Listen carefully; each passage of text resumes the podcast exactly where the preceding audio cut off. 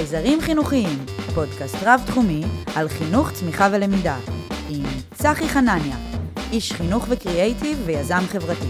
להזמנת הרצאות, סדנאות ותהליכי פיתוח, חפשו אותנו בגוגל או דברו איתנו דרך הרשתות החברתיות.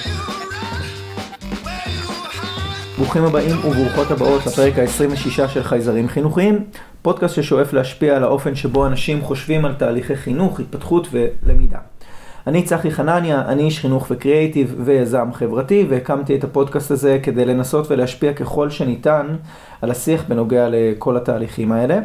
אז אם גם אתם אה, אוהבים ומתעניינים או עוסקים בתחומים האלה אה, בחיים המקצועיים או האישיים שלכם, ואם אתם אוהבים את השפה והמסרים של חייזרים חינוכיים, אני מזכיר שתוכלו להזמין אליכם את אחת ההרצאות שלי, למי שבא לקרוא על זה או להתעניין בעוד שירותים ומוצרים שאני מציע, חפשו את זה באתר שלי. אז עוד שנייה לפני שנתחיל, לא לשכוח להקדיש כמה שניות כדי לדרג את הפודקאסט בספוטיפיי או באפל פודקאסטים. איפה שאתם שומעים, זה עוזר לי מאוד, ומעבר לזה, תודה רבה לכל מי שכבר עשו את זה, ובכלל לכל מי שפונים ופונות להציע, לשאול, להתעניין ולחשוב יחד. אז שוב תודה, ועכשיו בואו נתחיל לגלגל את הפרק.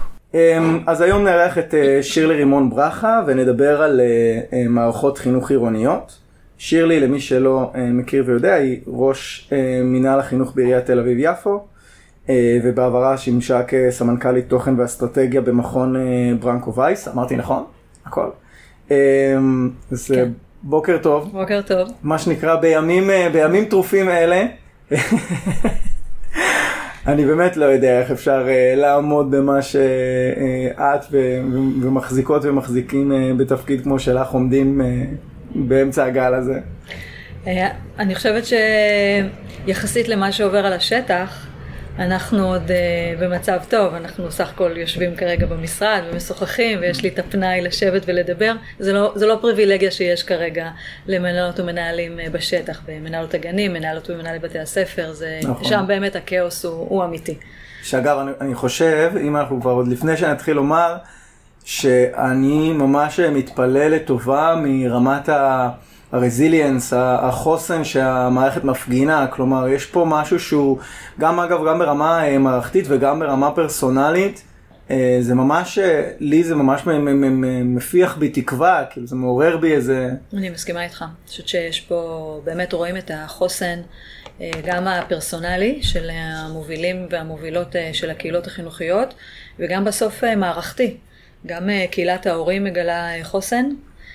גם קהילת הילדים והנוער מגלה חוסן, ויש בזה הרבה אופטימיות. אז אני, אז זה טוב שאת אומרת את זה, כי זה בדיוק מוביל אותנו להתחלה של הרעיון. אני חושב שיש עניין לציבור הם, להתעניין בדבר הזה, כי בפיל שלי יש פה עניין אסטרטגי שרוב החדשנויות שיגיעו והפתרונות שיגיעו בתפיסה שלי, אם אני מסתכל אסטרטגית מנקודת מקרו על מערכת החינוך בישראל ועל החינוך בישראל בכלל, הפתרונות מצויים ברשויות המוניציפליות. אני מסכימה איתך, ואני חושבת שהייתה לנו הוכחה טובה לזה בקורונה. בשנתיים האחרונות. ממש. שאנחנו כבר כמעט מציינים שנתיים. כי בעצם במקום שבו אה, המדינה אה, לא יכלה באמת לנהל מלמעלה את כל המערכת, כי אי אפשר לנהל מערכת כל כך מורכבת אה, בצורה ריכוזית מלמעלה, אז הפתרונות הלוקאליים של הרבה מאוד רשויות מקומיות ומועצות אזוריות, שבאמת בפרץ של יצירתיות וגמישות, ממש. והתאמה לצרכים של הקהילות השונות, ממש היה פה חגיגה, פשוט חגיגה חינוכית ופדגוגית, וכולנו, כל אני והקולגות שלי, שאנחנו בקשר מאוד מאוד טוב, ממש הרגשנו שזהו, שפיצחנו את הדבר הזה, שכשנותנים לנו, אפילו לא נתנו, לקחנו לעצמנו את הסמכויות, אמרנו, אוקיי, זהו, זה עלינו הדבר הזה, כאילו, אי אפשר ללמוד בבית ספר, אז נלמד בחוץ, והמדינה אומרת לא, אז נוכיח לה שכן, שאפשר, ואנחנו נילחם כדי שאפשר יהיה ללמד בחוץ, ופתחנו את כל המדינה ללמידה בחוץ, ואומרים לנו שאי אפשר ללמד ככה, אז אנחנו נגיד, לא, כן, הנה, אנחנו נוכיח שאפשר. וכל כך התעקשנו על למידה ועל חינוך, גם בתקופות הכי קשות פה של הקורונה, שאני חושבת שהגל הזה נראה לגמרי אחרת, הרבה בזכות הרשויות המקומיות, שהוכחנו שזה מה שצריך להשאיר את המערכת פתוחה. תסבירי. המהירות שבה סגרו את מערכת החינוך במרץ לפני שנתיים, היא הייתה אה, דרקונית. קודם כל סגרו גם את החינוך המיוחד, שזה משהו שאנחנו לא יכולנו להסכים אליו, שילדים עם צרכים מיוחדים יושבים בבית, בסגר, כשכל כך הם צריכים את השגרה שלהם, כל כך הם צריכים את המסגרת שלהם, את הסייעות שלהם, את המורות שלהם, וממש נלחמנו על זה כדי שזה יישאר פתוח, נלחמנו ממש ב- ב- בכל כל דרך אפשרית והצלחנו, וזהו, ולא סוגרים יותר את החינוך המיוחד. וגם לגבי כיתות... ה' עד אה, י', שנעלמו מהעין, שש שכבות נעלמו מהעין mm. למשך שנה וחצי. גם שם התעקשנו והתעקשנו ודיברנו, ואני אומרת אנחנו, זה ממש המון כוח. עם מי דיברתם? דיברנו עם הרבה, דיברנו עם משרד ראש הממשלה ודיברנו עם משרד החינוך ודיברנו עם משרד, משרד האוצר ודיברנו עם המון משרדי ממשלה כדי ש, של להוביל את המהלך הזה ואני חושבת שהעובדה שעכשיו שרת החינוך מובילה בצדק מערכת חינוך פתוחה, זה בגלל שהרשויות המקומיות הוכיחו שכשמשאירים את המערכת פתוחה זה פשוט פחות נזק לילדים, זה חד mm. משמעית. כלומר יש פה משהו שהוא אפילו על סף, ה... זה כבר פרשנות שלי, כן? הוא על סף ה... זה בדיוק ההפך, הדרג המקצועי פועל בדיוק ההפך מה, מהדרג הפוליטי או מהדרג המקצועי לצורך העניין של משרד הבריאות, של כל מי שאמונים. כלומר, יש פה אנש, אנשי מקצוע, אנשי ונשות מקצוע שהם אה, רצים לקו האש והם נלחמים. אה, כלומר, הם לא מתעסקים בכיסוי אחוריהם, בוא נגיד את זה ככה, של אה, מה יגידו אחרי זה, ואם יהיו הידבקויות, כלומר, הם, הם מבינים את צו השעה. ואת הנחיצות ואת הדחיפות של אה, להשאיר את הספר אנחנו מראש, מראש אמרנו שבריאות נפשית היא mm-hmm. חלק מבריאות, מבריאות הציבור. זאת אומרת, mm-hmm. צריך להתייחס על בריאות נפשית כחלק מבריאות. זה לא, זה לא שונה מבריאות אה, ציבורית, ואז לכן הנושא של הבריאות הנפשית של הילדים הוא עמד כל הזמן אה, מול עינינו וגם של הצוותים, גם את זה צריך להגיד, כי היה לנו איזה שלב שסגר אחד הסתיים. והיה ערב יום הזיכרון ואז יום העצמאות ורצו שביום ראשון כל בתי הספר ייפתחו. ואני ממש זוכרת את הסיטואציה שאני מרימה טלפון לרון חולדאי ואני אומרת לו רון, אני צריכה את הגיבוי שלך, לא נפתח ביום ראשון את בתי הספר, אני לא יכולה לעשות את זה למנהל, אני לא יכולה לעשות להם את זה, הם, חי... הם לא יכולים, מתי, מה הם יעבדו ב... ביום הזיכרון, מה הם יעבדו ביום העצמאות, מתי הם יכינו את כל מערכות השעות, מתי הם יכינו את ההורים, מתי הם יכינו את הצוותים, תגבה אותי, שאנחנו ביום שלישי רק נפתח את מערכת החינוך, תן להם את הזמן להתארגן, הלך איתי, גייס את פורום ה-15, הוצאנו הודעה, לא חוזרים ביום ראשון, כי זה לא מכבד, זה, כן. לא מכבד. ו, אז גם במובן הזה, ש, וזכינו באמון של הצוותים ברמה הזאת שהיינו להם גב דרמטי, מאוד משמעותי בתקופה הזאת. אני חושבת שאחד הדברים היפים שקרו מהתקופה הקשה שאנחנו נמצאים בתוכה, זה גם אמון ההורים שמאוד התחזק ביחסים שלנו עם הנהגות ההורים בבתי הספר, פעלנו מאוד מאוד בשקיפות איתם, זה היה לי מאוד חשוב, אנחנו מההתחלה קראתי פה לכל הצוותים ואמרתי להם, כל מה שאני יודעת ההורים יודעים. ככה, mm-hmm. כל מה שאני יודעת הם יודעים.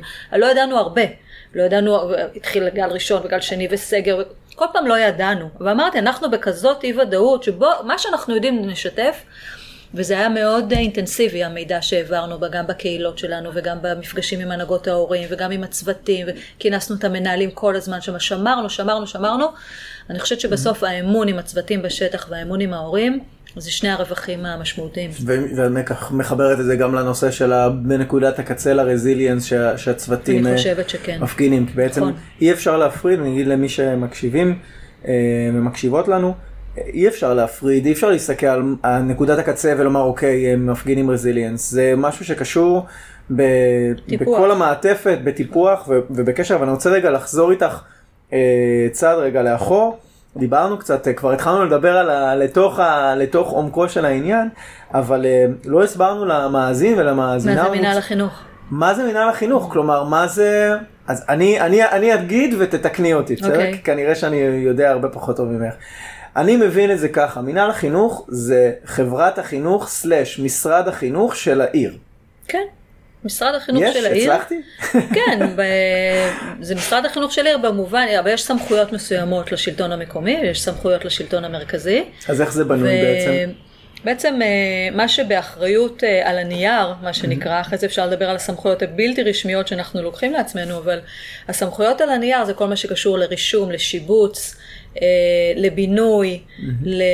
להשמה של תלמידים, הניהול, ניהול הסייעות, סייעות הן עובדות עירייה, יש כל, כל המנהלה בבתי הספר הם עובדי העירייה, ואני לא, לא יודעת אם יש הרבה יותר מזה בחוק החינוך, אה, אם יש חוק יסוד חינוך, אם יש הרבה יותר מזה לשלטון המקומי. אה, למשל, כל הנושא של הפדגוגיה, של תוכנית לימודים, של חינוך, הוא, הוא, הוא לכאורה רק סמכות בלעדית של שלטון המרכזי, אבל לפחות ב-15 שנים האחרונות יותר ויותר רשויות לוקחות הרבה יותר סמכויות ואחריות ותכנים. למה? ומעורבות. כי בסוף בסוף אני חושבת שהאינטרס היותר מובהק להצלחת החינוך הוא של הרשות המקומית. אנחנו mm-hmm. רואים את התושבים בעיניים, אנחנו כל יום בקשר איתם, ההורים הם, הם, הם, הם, הם הלקוח במרכאות המרכזי שלנו, הם והילדים שלהם. אנחנו, יש לנו איזו הבטחה גלומה בעבודה שלנו, אני משרתת ציבור, הציבור שאני משרתת אותו זה ההורים והילדים. ולכן ה... הרווחה הנפשית של הילדים ושל ההורים זה בעצם המנדט שלנו כמנהל חינוך, לעשות את הדבר הכי נכון עבורם. וככל שזה יותר קטן וככל שזה יותר קרוב לשטח, זה הופך להיות יותר משמעותי ויותר חשוב. Mm-hmm. בסוף, המשרד בירושלים, מעורב ואכפתי ככל שהוא יהיה, משרד, הוא, הוא, המשרד הוא, בירושלים זה משרד החינוך. הוא לא מכיר, כן. הוא לא מכיר בעין את הילדים ואת ההורים וכולי, ו- ו- ולכן הריחוק הזה יוצר את העובדה שלנו כשלטון מקומי, מה שקורה בתוך בתי הספר וגני הילדים, הוא זה, בשביל זה אני קמה בבוקר, בשביל מה שקורה בגני הילדים ובבתי הספר, לילדים הספציפיים של העיר שלי, אה, וזה, וזה שונה מאוד. ותגידי, זה, אני כאילו את כל השאלות שאני שואל אותך היום, שאלתי גם את עצמי, ו... רק ו... אגיד איך, איך המינהל בנוי, אוקיי? כן. יש לנו אה, קודם כל אגפי גיל, יש אגף אה, הגיל הרך, זה לידה עד שש, כולל את אה, לידה עד שלוש ושלוש עד שש, גני הילדים העירוניים. יש לנו אגף חינוך יסודי, יש לנו אגף חינוך על יסודי, יש לנו אגף חינוך מיוחד, יש לנו את השירות הפסיכולוגי החינוכי, יש לנו אגף משאבי חינוך, שזה בעצם כל התפעול, זה הצטיידות, זה בינוי, זה שיפוצי וכולי, יש לי בינוי ופיתוח פה, של הבינוי ופיתוח של כל בתי הספר בעיר. אה, יש לי רווחה חינוכית שעוסקת בכל הילדים השקופים בתוך המערכת ותוכניות אה, משלימות לתוך אה, מערכת החינוך הפורמלית. וכל הדבר, ויש לי את המרכז מרכז שירות חינוך. שהוא בעצם, הוא הפנים שלנו אל מול ההורים, שזה הרישום, השיבוץ, מרכז ההורות שלנו, כל הקהילות הדיגיטליות שלנו. אז כל השלב הזה זה המת... קל לך. מעניין לי. מעניין תגיד, לי. זה בנוי ככה בכל הרשויות? אני חושבת שזה תלוי בגודל הרשות, לא בכל הרשויות יש אגף לכל גיל, לא כל הרשויות זה מנהל, יש mm-hmm. רשויות שזה אגף, יש רשויות שזה מחלקה, זה תלוי בגודל הרשות במספר הילדים. מערכת החינוך הגדולה, mm-hmm. יש לנו 80 אלף ילדים אה, במערכת החינוך אה, הפורמלית. אה, ירושלים יותר גדולה מאיתנו, אבל כמערכת חינוך ממלכתית אנחנו נחשבים מאוד גדולים, ולכן כל גיל פה זוכה לאגף, זה ממש תלוי תקינה של, של משרד האוצר. אה, החכמתי, גם מאוד אה, מסכים ומתחבר אה, לדברים שנאמרו, וכמו שאמרתי בהתחלה, לתחושתי, בסוף אני מסתכל רגע, אני עושה זום אאוט, אני הולך לאחור, בסדר? אני מסתכל על, ה, על הפאטרן, על, ה, על הדפוס על, או על הדרך שמערכת החינוך הישראלית עשתה. וגם, וגם החברה והתרבות בישראל, לתחושתי, אנחנו מסיימים את גיל ההתבגרות. בהכל, בתרבות, בפוליטיקה, אה, באופן שבו המערכות בנויות וכן הלאה. וכשאתה מסיים את גיל ההתבגרות, אה, כבר יש לך איזשהו סוג של זהות. וכשיש לך סוג של זהות, קל לך יותר לשחרר או להסתער אה, ולהיות יותר מדו... על, על הדברים שמעניינים אותך יותר ופחות. כי אתה, אתה מבין כבר מי אתה פחות או יותר. ולתחושתי, מדינת ישראל והחברה בישראל מתחילה להבין מי ומהי ואיזה סוג שיש. תחושה פנימית, אני לא יודע איך להסביר את זה, של יש קריאת כיוון כבר לאן הדברים הולכים. כלומר, זה עדיין לא משתקף בהחלטות הממשלה, זה עדיין לא משתקף ב, אה, בכל מה שקורה, בוא נגיד, מעל פני השטח, אבל בתחושה שלי, בזירה החינוכית, בשטח, כולם מבינים שזה, המבנים האלה, לא יכולים יותר אה, להישאר כפי שהיו, ואני, ולא רק המבנים, גם, גם התכנים. ולתחושתי, קפיצת הגדילה הבאה שמערכת או מערכות החינוך בישראל יעשו, אה, קשורה בשני ממדים ושניהם קשורים, בהקשרים של מה שאמרת, למנהלי החינוך או, או לחינוך העירוני שניתן דרך הרשויות. אה, האחד זה כל הסיפור של קהילתיות. שיש לאנשים צורך להיות אה, בחוויה שהיא אה, מוכרת ומכירה אותם, לא להיכנס לאיזשהו איזשהו פול, אלא לקבל מענים שקשורים לצרכים, אה, גם המבניים וגם התוכניים הספציפיים. והדבר השני זה, אמ, יש, יש טרנדולוגית אחת של עתידנית שאני עוקב אחריה, והיא פרסמה משפט שנדלקתי עליו מאוד לפני כמה שנים, The future of pieces. כלומר, אנחנו הולכים לעולם, גם בחוויית הלומד, גם באיך מערכות בנויות, גם באיך חברות בנות את עצמם, אה, שהוא בנוי מחתיכות, הוא בנוי מצורה שהיא קצת יותר פרסונל, פרסונלית, קצת יותר מתאימה, אי אפשר יותר לבוא, ל, ל, לזרוק איזה חומר על אה, קבוצה כל כך גדולה של אנשים ולומר יאללה, כולכם אותו דבר. אבל זה מה שאתה אומר, צחי, הוא נכון כבר 20 אה, שנה, נכון כבר 30 שנה, כבר 30 שנה יודעים, חוקרים, כבר הכל נאמר על חינוך, הכל נחקר, הכל נכתב, אני חושבת שזה התחום הכי נחקר בעולם, חינוך, כשהפער הכי גדול הוא בין המחקר לבין המעשה. ולכן, אני חושבת שצריך... גם הנושא של קהילתיות וגם הנושא של פרסונליזציה, באמת כאילו נכתב על זה, זה לא, זה לא חדש, זה 30 שנה מדברים על זה, תראה את כל הסיפור. אז אני רוצה רגע לחדד, כי אני זה שאומר בדרך כלל את המשפט שאת אמרת לי עכשיו, כן. וכשאני מדבר על מוכנות ובשלות, אני מדבר על בשלות אה, של אה, אנשי המעשה, של אנשי השטח. כן. השטח כבר, ההורים מצביעים ברגליים, הולכים, מחפשים תוכניות, מחפשים, אני יכול לומר לך על עצמי, אני בעלים משותף בגן, ואני רואה איך הקהל, עכשיו אני מוציא בלי שום קשר לפערים שיש בין, בין ההיצע לביקוש בגני הילדים וכן הלאה. באופן ספציפי גם הסיפור התוכני שאני מחפש מענה חינוכי כזה או אחר.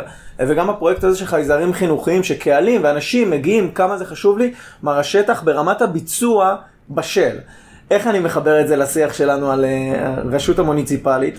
שלתחושתי יהיה קשה לפרק את הרגולטור מלמעלה בצורה לא הדרגתית. כלומר, לפני שזה יעבור ליזם הפשוט, ליזם או יזמת החינוך הפשוטה, זה יעבור דרך הרשויות. הרבה יותר קל לי להפשיר לגוף שבסוף יש לו מנגנון, פשוט מנגנון יותר קטן. תראה, אני יכולה לתאר לך מה אנחנו עושות פה. בחמש-שש שנים האחרונות, ואני יכולה להגיד לך גם מה תקרת הזכוכית שלנו. זאת אומרת, אני מרגישה שכרשות מקומית, אנחנו uh, הפכנו את מערכת החינוך, באמת הפכנו אותה בשינוי תפיסה, שינוי תודעה, שינוי רדיקלי במבנים שלה, שינוי של כוח האדם, שינוי, ש... באמת שינוי גם תודעתי, גם פרקטי וגם מבני של מערכת החינוך, uh, שאני, שאני אשמח לפרט על זה. Uh, אבל יש איזושהי תקרת זכוכית גם, גם לשלטון מקומי, במובן הזה שאם זה לא עולה כלפי מעלה כחלק מהרגולציה, אני כל הזמן אמרתי שמה שאנחנו עושות פה בעיר, שהוא, שהוא באמת לא פחות ממהפכה חינוכית, אם הוא יישאר בגבולות תל אביב-יפו, אני נכשלתי. ואני כל הזמן מנסה להדביק עוד ועוד רשויות מקומיות, ורשויות מקומיות מלמדות אותנו דברים אחרים, ואנחנו עובדים הרבה עם רשויות אחרות, כי בסוף בסוף השטח יגיד את דברו, והשטח זה, זה הרשויות המקומיות. עכשיו, mm-hmm. מה, אנחנו, כשאנחנו מסתכלות על המערכת, אנחנו אומרים, אוקיי, יש מבנים שתוקעים את המערכת. מה, מה המבנים? בסוף זה שגרות ושגרות ושגרות. כאילו, כל בית ספר בנוי משגרות, מסדירויות, כמו שאומרים בעגה המקצועית. כן. הדברים הקבועים שנעשים במערכת שהם גם התנהגותיים והם גם מבנים. ואנחנו פירקנו לחמישה מבנים, חמישה מימדים שבהם אמרנו אנחנו רוצים לעשות את השינוי, אוקיי? המימד הראשון שהוא אולי הדרמטי ביותר במערכת החינוך זה תוכנית הלימודים, אוקיי? Mm-hmm. שאם הייתי שואלת אותך, כמה מקצועות ילד, ילדה יכולים ללמוד בשבוע כדי שתהיה באמת למידה משמעותית, כדי שיבינו, שיחקרו, שיאהבו את מה שהם לומדים, שיתפתחו בזה, שתהיה להם איזושהי הבנה עמוקה בתחום שהם לומדים. כמה לדעתך הם יכולים ללמוד בשבוע? לענות לך? כן. בין שלושה לחמישה, תלוי בסיטואציה, okay. אוקיי. ויותר משקריטי כמה, okay. כן. זה איך אתה מלמד אותם. אז זה, זה המימד השני, אבל בואו נדבר mm-hmm. על אפילו על מה הם לומדים, אוקיי? כמה הם לומדים ומה הם לומדים. אז כיום אם תפתח מערכת שעות של אה, ילדים בחטיבות אה, מרכזיות, שזה mm-hmm. השם שאנחנו מכנים בו את אה, חטיבות הביניים, כדי לא לקרוא להם ביניים, אז בחטיבות המרכזיות ילדים יכולים ללמוד 15, 16 ו-17 דיסציפלינות מה? בשבוע. אני בהלם. כן, תראה מערכת שעות. באמת? באמת, באמת. וגם אם תפתח כיתה ו', גם יש הרבה הרבה הרבה הרבה מאוד מקצועות, וואו, ממש, שיש להם כל מיני ממש שמות. אבל בסוף, בוודאי, אתה, אתה תפתח מערכת שעות ואתה תראה את זה, 17 מקצועות, בוודאי, אז נכון שיש בזה חינוך גופני ואומנות ורובוטיקה ו- ומייקרים, ו- אבל בסוף בסוף בסוף תחשוב כמה מבוגרים נערה רואה בשבוע, וכמה לא משמעותי הקשר שלה, כשזה 17 מבוגרים. עכשיו, מה אנחנו מנסים לעשות במערכת? אנחנו רוצים קשר אישי, אנחנו רוצים שיראו כל תלמיד, אנחנו רוצים שלא יהיו שקופים, אנחנו רוצים ידע והבנה וחשיבה מעמיקה, אנחנו רוצים מיומנויות, אנחנו רוצים שיאהבו ללמוד, mm-hmm. אנחנו רוצים שילדים יאהבו ללמוד כדי שימשיכו להשכלה גבוהה. וכמעט כל דבר שקורה בבית ספר, אה, הוא ההפך. לכן תוכנית הלימודים זה הממד הראשון, ואנחנו שמנו יעד למנהלים לא יותר משבעה מקצועות בשבוע. לא יותר משבעה, לא, אין דבר כזה, תשקלו, תורידו, תעשו בשנה הבאה, תעשו בשנה קודם, תקראו לזה בשמות אחרים, תורידו מקסימום שבעה מקצועות בשבוע, כי אחרת אנחנו מפספסים המון דברים, גם ידע וגם קשר אישי. Mm-hmm. הממד השני הוא המערכת שעות, כמו שאתה אומר, איך לומדים, כמה ילד מעורב, כמה אחריות מעבירים אליו, כמה תפקידים הוא לוקח על עצמו בבית ספר, כמה הוא פסיבי ורק מקשיב, כמה זה רק לשם שינון. כל הדבר הזה שנקרא של איך ילדים לומדים, הוא הממד השני, שהוא כמובן תלוי בראשון, אבל גם פה אנחנו רוצים, כדי שבית ספר יהיה מרחב של משמעות לילדים, מה זה משמעות? זה להטביע חותם, זה להגיד משהו, עשיתי משהו, ראו אותי, mm-hmm. לאפשר את זה יותר לילדים, זה בממד, בממד של ההוראה.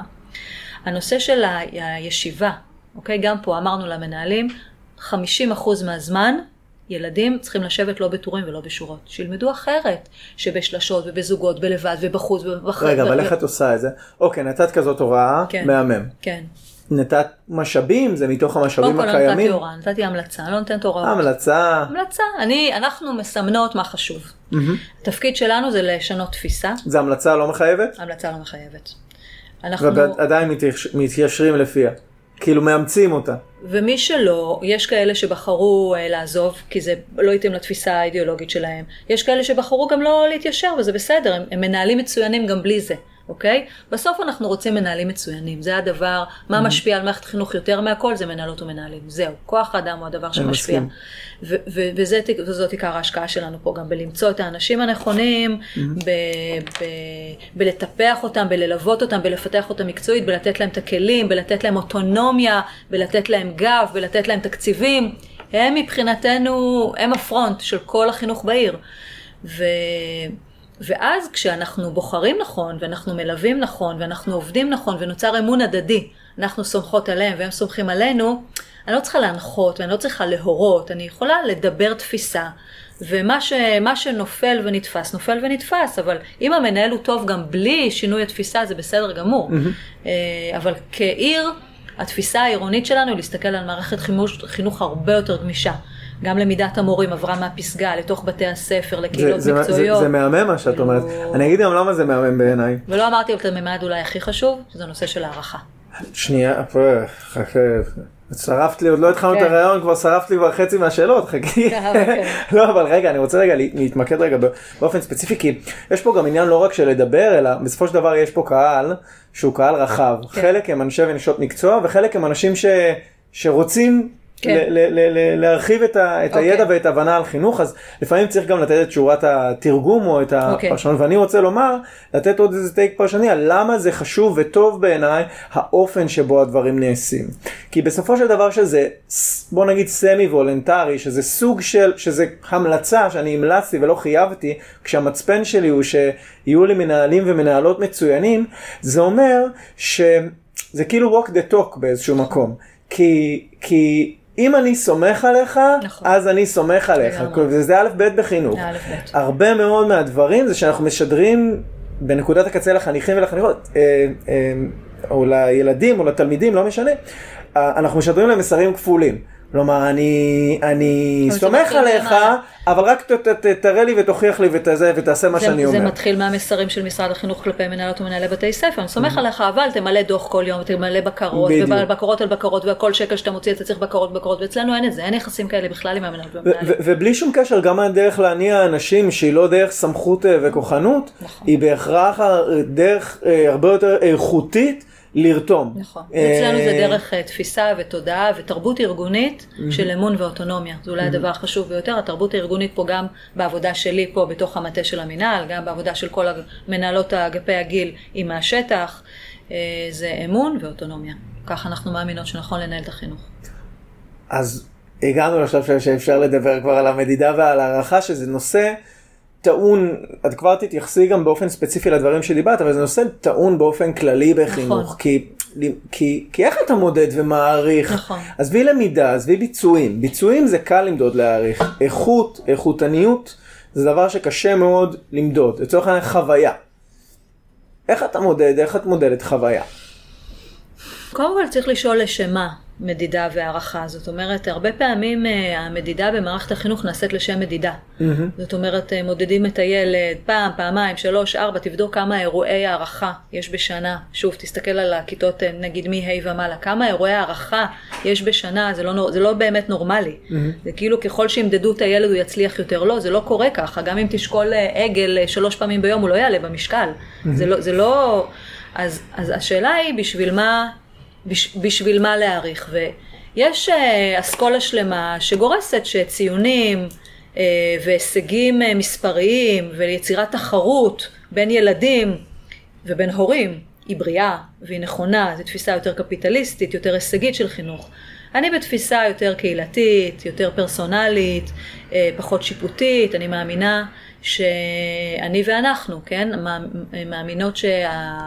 הערכה שילד מקבל היא צריכה להיות רב-ממדית על סך הדברים שקורה לו בבית ספר. זאת אומרת, אם ילד בהפסקה אה, חלק בצעצוע שלו mm-hmm. עם ילד אחר, אוקיי?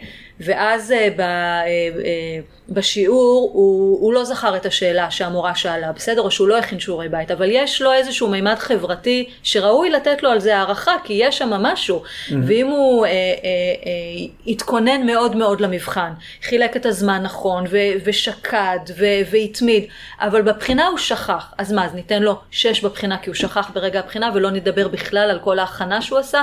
ואנחנו מנסים להסתכל על כל הערכה כהערכה שהיא לא שיפוטית, שהיא לא תחרותית, שהיא לא מדכאת את הילדים, אבל בעצם ש- שהיא מאפשרת להם באמת ללמוד. פשוט ללמוד, והעברנו בשיפט את כל מערכת החינוך. צריך להגיד שזה הדבר שהיה הכי מיידי, אינטואיטיבי וקל. מכל המימדים שאנחנו שואפות לשנות בבתי הספר, זה היה המימד הראשון שהמנהלים בחרו, כי שאלנו אותם, אלה חמשת המימדים שאנחנו רוצים לשנות. מה המימד הראשון שעולה לכם שאתם רוצים לשנות? רגע, מה, מה, מה אמרנו? תוכנית לימודים, כן. מערכת שעות, כן. סביבות הלמידה, למידת מורים והערכה. רגע, עוד לא דיברנו על למידת מורים. אחר כך נדבר על זה. אוקיי. זה חלק מהתרבות הארגונית, אבל הנושא של הערכה כל כך היה ברור למנהלים, שאם הם ישנו את האופן שבו מורה צריכה להעריך את התלמידות והתלמידים, היא כבר תהיה חייבת להכיר אותה אחרת. ואז כבר הרווחנו ממילא קשר אישי אחר, והרווחנו ממילא פרספקטיבה יותר רחבה של המורה על התלמידות והתלמידים, כי היא חייבת לכתוב עליהם משהו. וכשמורה בסוף שנה לא צריכה לכתוב שבע או שמונה או תשע, או הינך בקיאה בחומר, לא היגד, אלא היא באמת צריכה לכתוב פסקה או שתיים על תחום הדעת שלה, על כל אחד מהתלמידים, מה הוא יודע ומה הוא לא יודע, וחוזקות, ועל המיומנויות החברתיות שלו והרגשיות שלו.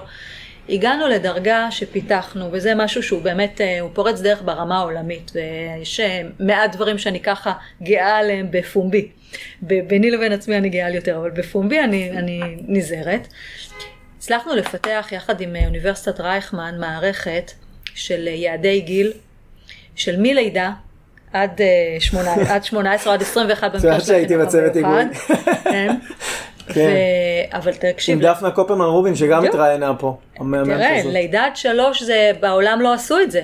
שני דברים לא עשו בעולם, לא לא עשו. לידה עד שלוש, ככה, לא ככה. ולא עשו צרכים מיוחדים. נכון. ואנחנו על כל הלקויות, על כל הצרכים, על כל הלקויות, מפתחים יעדי גיל. Mm. עכשיו, תקשיב מה זה עושה בבתי הספר. אני ראיתי את התעודה העתידית אה, של הבת שלי, Mm. שלומדת בבית ספר יסודי פה בכיתה ה'. כל התעודה זה מיומנויות רגשיות, מיומנויות חברתיות, כשהמורות בחרו איזה יעד מתאים לשכבת ה'. בבנות מתמטיקה, בנים מתמטיקה, כי גם אנחנו מכניסים שפה מגדרית לתוך המערכת מלידה עד 18, אז, אז כאילו, כשאני מסתכלת על התעודה, נגיד עכשיו, כשאני מסתכלת על התעודה של הבת שלי, שבמקרה המנהלת הראתה לי כי היא רצתה אה, להשוויץ ובצדק, אני אומרת, וואו, ככה מרגישה משמעות. ככה מרגישה משמעות שזה שפה מגדרית, שזה רגשי חברתי כמיומנויות שמעריכים עליהם, שזה לא מספרי אלא היא מורה שאומרת הרבה מאוד דברים, שזה רפלקציה של ילד על עצמו.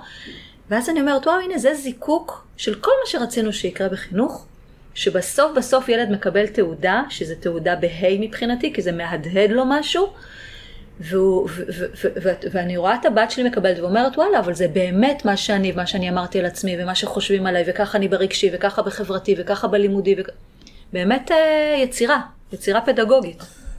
את יודעת שהתחלת לדבר על זה, נפתחו לך עיניים. נכון. אני חושב שרציתי, לש... וכבר עבר לי בראש, רציתי לשאול אותך, אני רואה שזה מאוד מרגש אותך, ולמה? אבל גם ענית על זה, מאוד מרגש. וגם אני מבין את זה, ואני רוצה לומר, זה בתור מי ש... מרגש אותי כי זה נורא קשה לצוותים, והצוותים התגייסו פה, תחשוב מה זה שצוות חדר מורות יושבים ומפתחים ממש על כל שכבה את יעד הגיל הספציפי, ויושבות עם המומחיות של אוניברסיטת רייכמן, ועם המומחים של ברנקו וייס, שעושים איתנו את הפורצי דרך, וכל הדבר הזה בסוף יוצא איזו יצירה.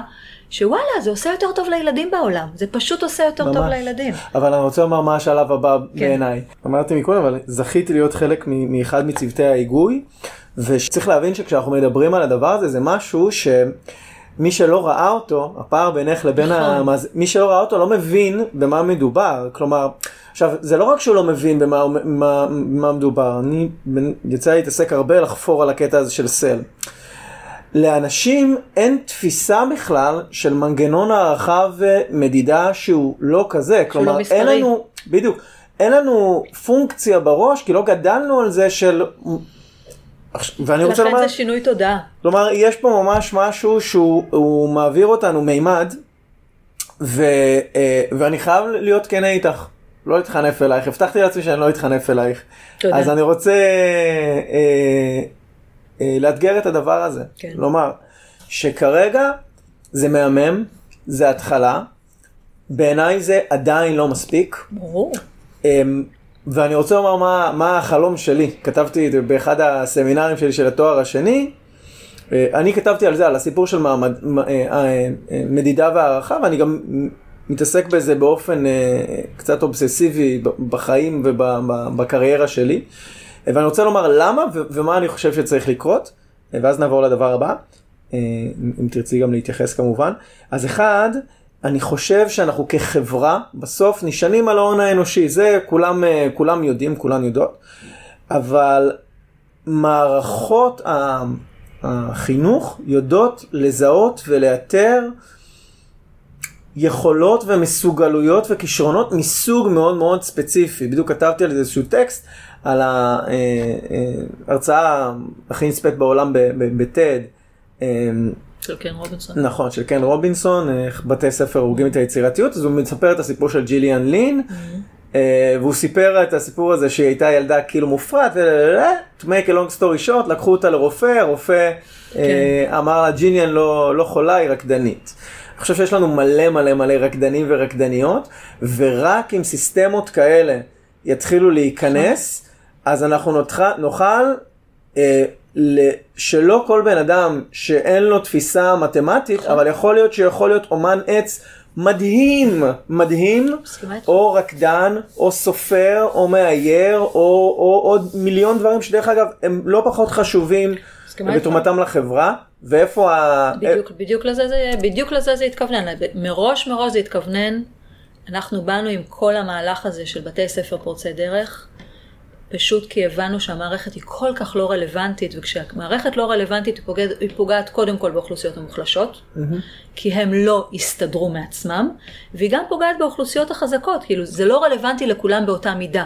אז יש ילדים שישתעממו, ויחפשו אלטרנטיבות, ויש ילדים שפשוט יזלגו, יהפכו שקופים ויחיו בניכור מהמערכת לעד, ואם לא נהפוך אותה ליותר רלוונטית, ואז ניסינו לחשוב, אוקיי, אז, אז מה הופך אותה לרלוונטית, והגענו לממדים. ועדיין איפה הקושי בעיניי? קודם כל, שאפו, כלומר זה רק התחלה ו- ו- וזה עוד משהו שילך וישתכלל ועוד, כאילו אני חושב שהתרומה המרכזית של הדבר הזה מעבר לעצם העשייה של הדבר הזה, זה להראות שאפשר, שאפשר להביא עוד מודלים ואפשר לפתח. אני חושב שהצעד הבא שאנחנו צריכים לעשות בדבר הזה באופן כללי מערכות חינוך, זה לתת לזה את המשקל הריאלי, כלומר דמייני לעצמך ש-50% מהציון הבגרות שלך, 50% היה נקבע על הציונים, ו-50% היה נקבע. על, אה, על אה, מיומנויות תראה, צל. כבר צריך מה זה היה עושה לעולם? נכון. מה זה היה עושה למגייסים? מה זה עושה לאוניברסיטאות? מה זה היה עושה לאוניברסיטאות? אני חושבת שזו צריכה להיות דרישה שמגיעה מההשכלה הגבוהה. ככל שההשכלה הגבוהה, מערכת ההשכלה הגבוהה תדרוש שתעודת הבגרות תהיה יותר מורכבת, יותר שלמה ויותר רב-מימדית, זה ישפיע על מערכת החינוך לטובה. כשההשכלה הגבוהה דורשת בגרות מאוד מסוימת ומבחן מאוד מסוים, אז המערכת כבר מתכווננת לשם, כי בסוף כולנו רוצים שלילדים תהיה השכלה גבוהה. אה, אבל תראה, כבר היום, גם בבגרויות יש הרבה יותר גמישות, יש הערכה חלופית, יש הרבה יותר מקצועות שבהם לא עושים בגרות של שינון והכאה, גם המערכת מתכווננת לשם, זה עוד לא מספיק רדיקלי. לא מספיק רדיקלי, אבל אני חושבת ש, שיש לנו, אפשר להיות אופטימיות במובן הזה. חושבת טוב, תראי, אני הייתי מת לדבר איתך על כל אחד מהדברים שאמרת, אבל אבל את בן אדם עסוק. יש את הסיפור של פורצי דרך. עכשיו, לא כולם יודעים שפורצי דרך זה זה לא, אה, מספיק, זה לא אה, כן, לא, זה, צורת מה, זה, ביטוי. מהלך, זה מהלך עירוני. זה. מהלך עירוני, אולי נכון. תספרי עליו עוד כמה אז מילים. אני, אני חושבת שזה פשוט, זה, זה, זה השם של כל מה שתיארתי עד עכשיו, זה מהלך עירוני שיצאנו אליו לפני שש שנים, אה, לפרוץ דרך עבור שאר בתי הספר בארץ ואולי גם בעולם, באמת לשנות את הפרדיגמה של איך פועל בית ספר, שבעצם מתאים את עצמו לצרכים של הילדים ושל הצוותים, ולא one size לכל מי שנכנס, באמת עובד הרבה מאוד על גמישות ועל, ועל שינוי מבנים בתוך בתי הספר. ובמהלך הזה כבר אה, נמצאים אה, כ-70-80 אחוז מבתי הספר בעיר, במהלך של אה, חמש שנים, אנחנו בשנה השישית של המהלך.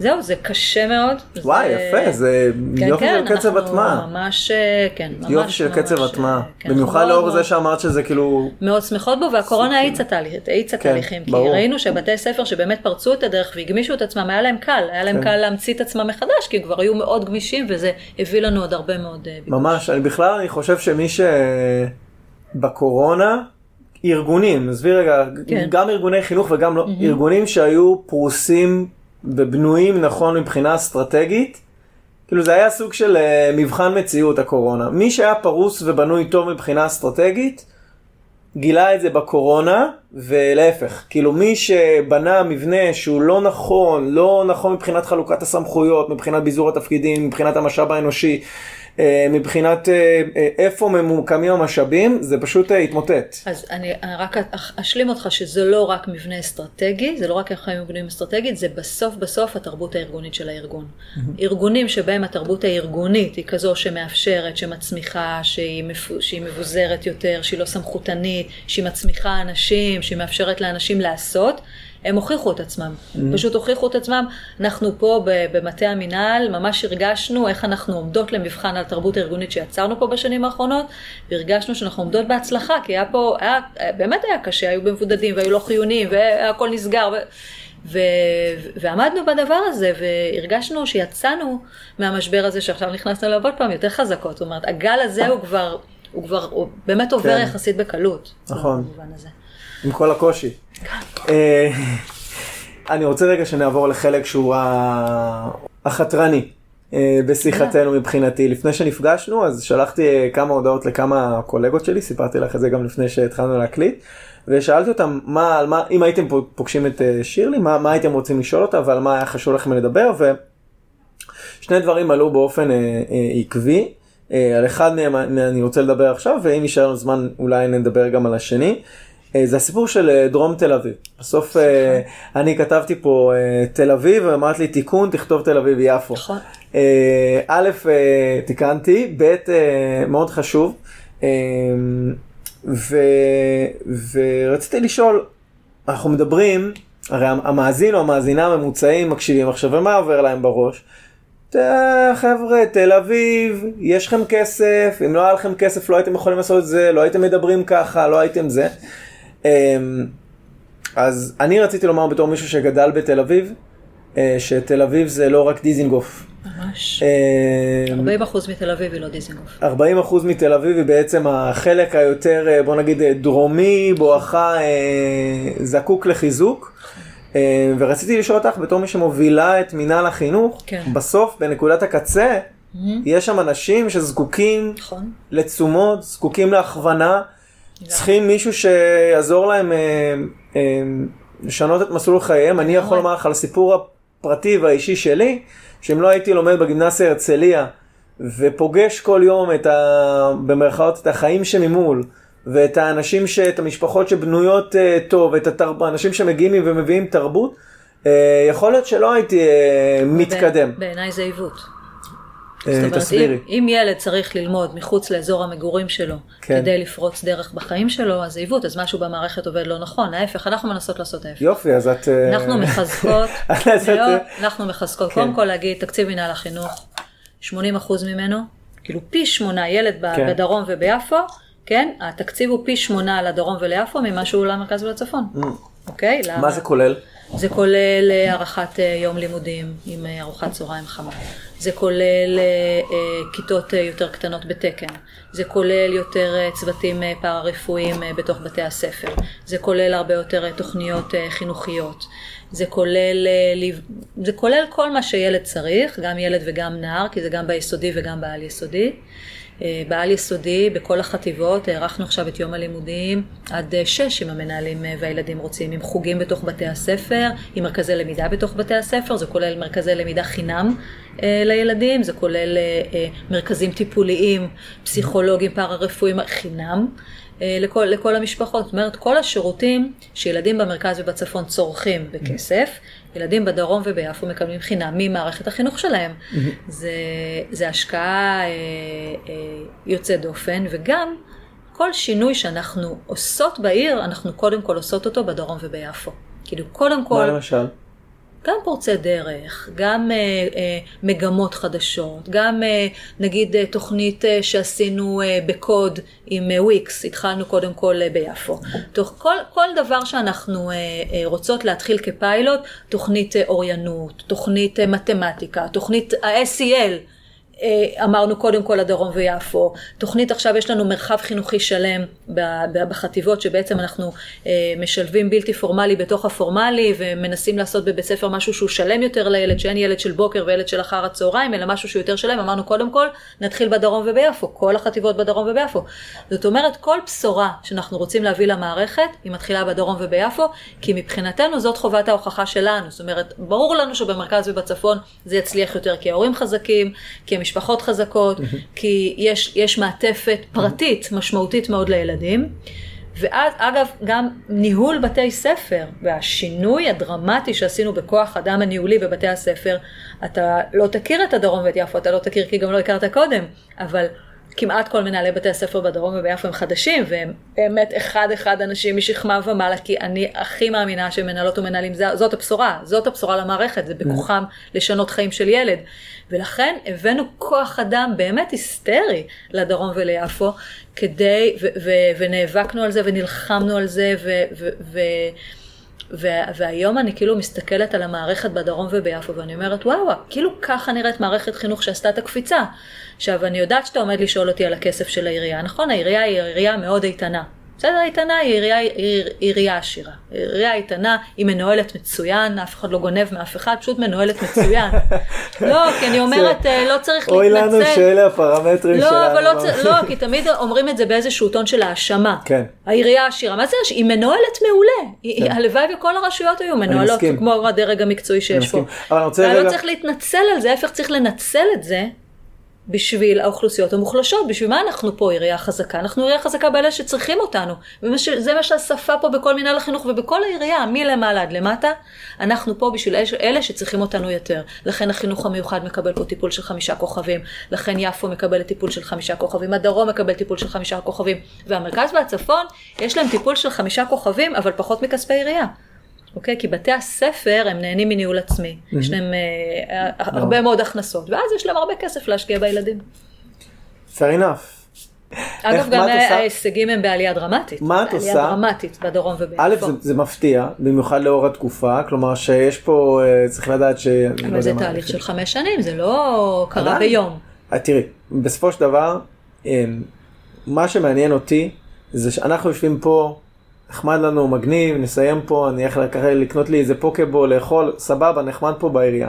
אבל איך אנחנו מוודאים, איך את מהמטה, מהמקום שבו את נמצאת, איך את, איך את, איך את יודעת בוודאות אה, לוודא שהמשאבים שאת מקצה, את אומרת, אוקיי, יש הקצאת משאבים, הקצאת משאבים מעולה, אבל מה אנחנו עושים, איזה מנגנונים יש לנו כדי לוודא שבנקודת הקצה זה חלחל, זה אפקטיבי. כלומר, את אומרת, הנה, בסופו של דבר יש, יש הצלחה, יש עלייה. ברור. אוקיי? מה זה מבחינתך הצלחה? הצלחה ב- בלימודים? בהרבה הצלחה... מאוד איך את פרמטרים. מוודא שזה חלחל? קודם כל, בשביל זה יש לי מנהלות ומנהלים. אני לא יכולה מפה לוודא. אני לכן נותנת אמון במנהלות ומנהלים. מנהלת שאני לא נותנת בה אמון, אז היא לא תהיה. אבל נותנת בהם אמון, אנחנו יוצרים שפה, יוצרים תודעה משותפת, יוצרים מטרות משותפות. הנה עכשיו יש לי מיד אחריך פגישה עם כל מנהלי בתי הספר של הדרום ושל יפו. או, וואי, להישאר? אתה יכול, תראה איך אני מנהל, תראה, איך- הלוואי. תראה איך מנוהלת ישיבה שבונה יעדים למנהלים, אוקיי? הם מקבלים עכשיו תקציבים מופלגים, כן? תקציבים מופלגים, כסף חופשי, אוקיי? לכל מיני פעילויות בשביל ליצור שוויון הזדמנויות ל- לילדים, אוקיי? ביסודי כל בית ספר קיבל, בדרום וביפו, כ-300 אלף שקל לשנה, כסף חופשי, לא צבוע לשום דבר, רק בשביל להביא את הילדים ל- אה, אה, הזדמנות שווה בסוף כיתה ו'. עכשיו אני אמרת להם, אתם תקבעו את היעדים, אני לא קובעת. אם היעד שלכם שבסוף כיתה ג' כל הילדים קרוא וכתוב שוטף, זה היעד, עכשיו תגידו, תגידו איך תראו את זה. אם, היה, אם היעד שלכם שבסוף ו' כולם מדברים אנגלית שוטף, זה היעד מקבלת, עכשיו תגידו איך תגיעו לזה. בסוף אנחנו פועלים על פי מודל לוגי של תשומות, של תפוקות, של פעולות, של יעדים, של תוצאות ושל תוצאות ביניים. זה הכל אה, תרבות ארגונית של אה, נתונים ומקצוענות. בחינוך אינטואיטיבי זה הרע.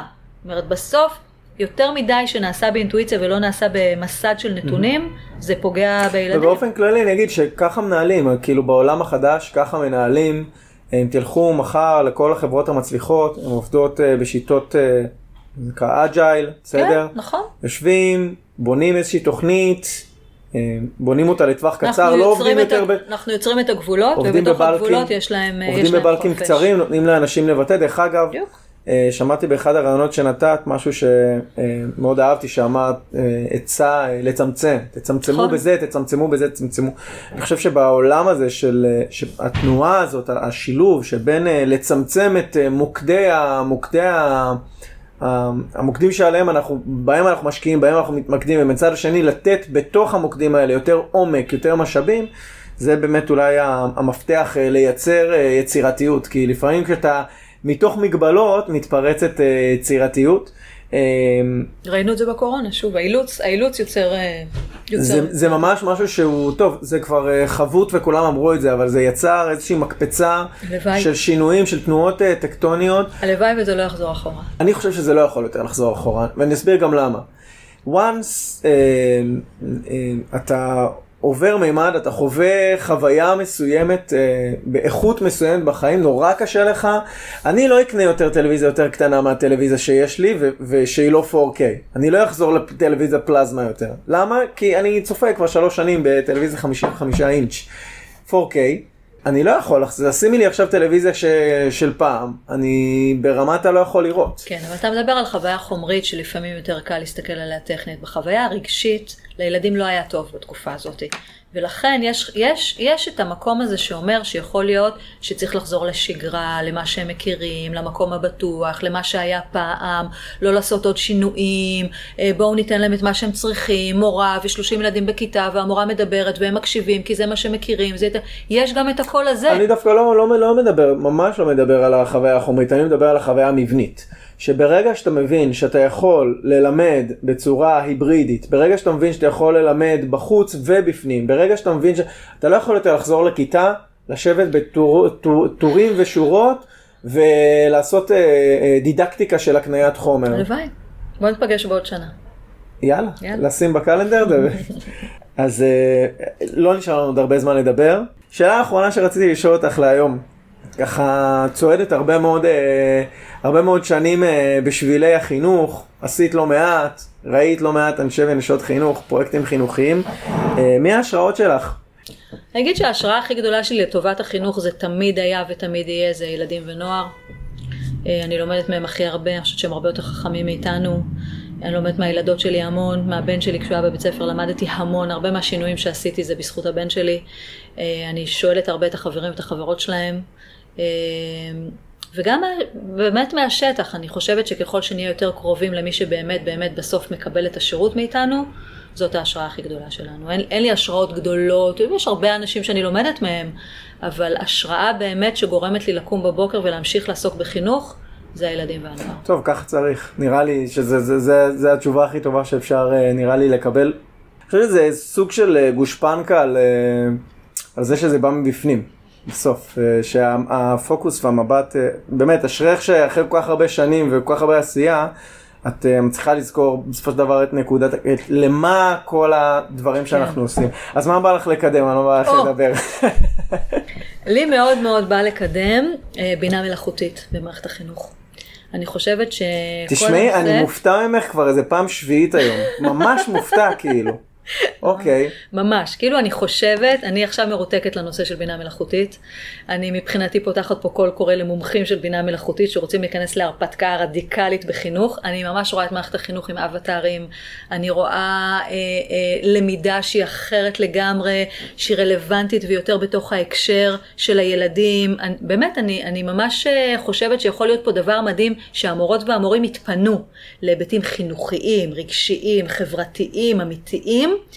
ו- וכל העולם שאפשר באמת ללמוד אותו עכשיו עם מערכות מידע גדולות, הוא, הוא ירד והוא יהיה נורא נגיש לילדים דרך משחקים, דרך פלטפורמות, דרך, אני רואה כמה ילדות שלי לומדות ממיינקראפט, הן לומדות מלא. ו- ו- ולמה כל הבית ספר יכול להיות באמת מין משהו שהוא, שהוא אחר, שהוא יקפיץ את הילדים, בטח מושלם. ובטח באוכלוסיות המוחלשות. שצריכות, אז כל מי שיש לו רקע בבינה מלאכותית ובא לו להתאבד על מערכת החינוך, יאללה בואו. מדהים, יש לי אפילו איזה חיבור אה. לדבר אה, איתך עליו, ולומר לך גם שהרמת להנחתה, כי הפרק לא הבא הבא הבא, הוא יהיה על, על הקשר הזה, בין, על, על הדיפרנציאציה וואו. שצריך להתחיל לעשות, מדהים. בין אה, חינוך ללמידה, נדבר על זה עם גדעון זיילר, אני לא יודע, מכירה אותו, המנכ"ל כן, והמייסד של. מתודיקה, איש. מדהים, תודה רבה. תודה רבה לך צחי. היה נעים מאוד.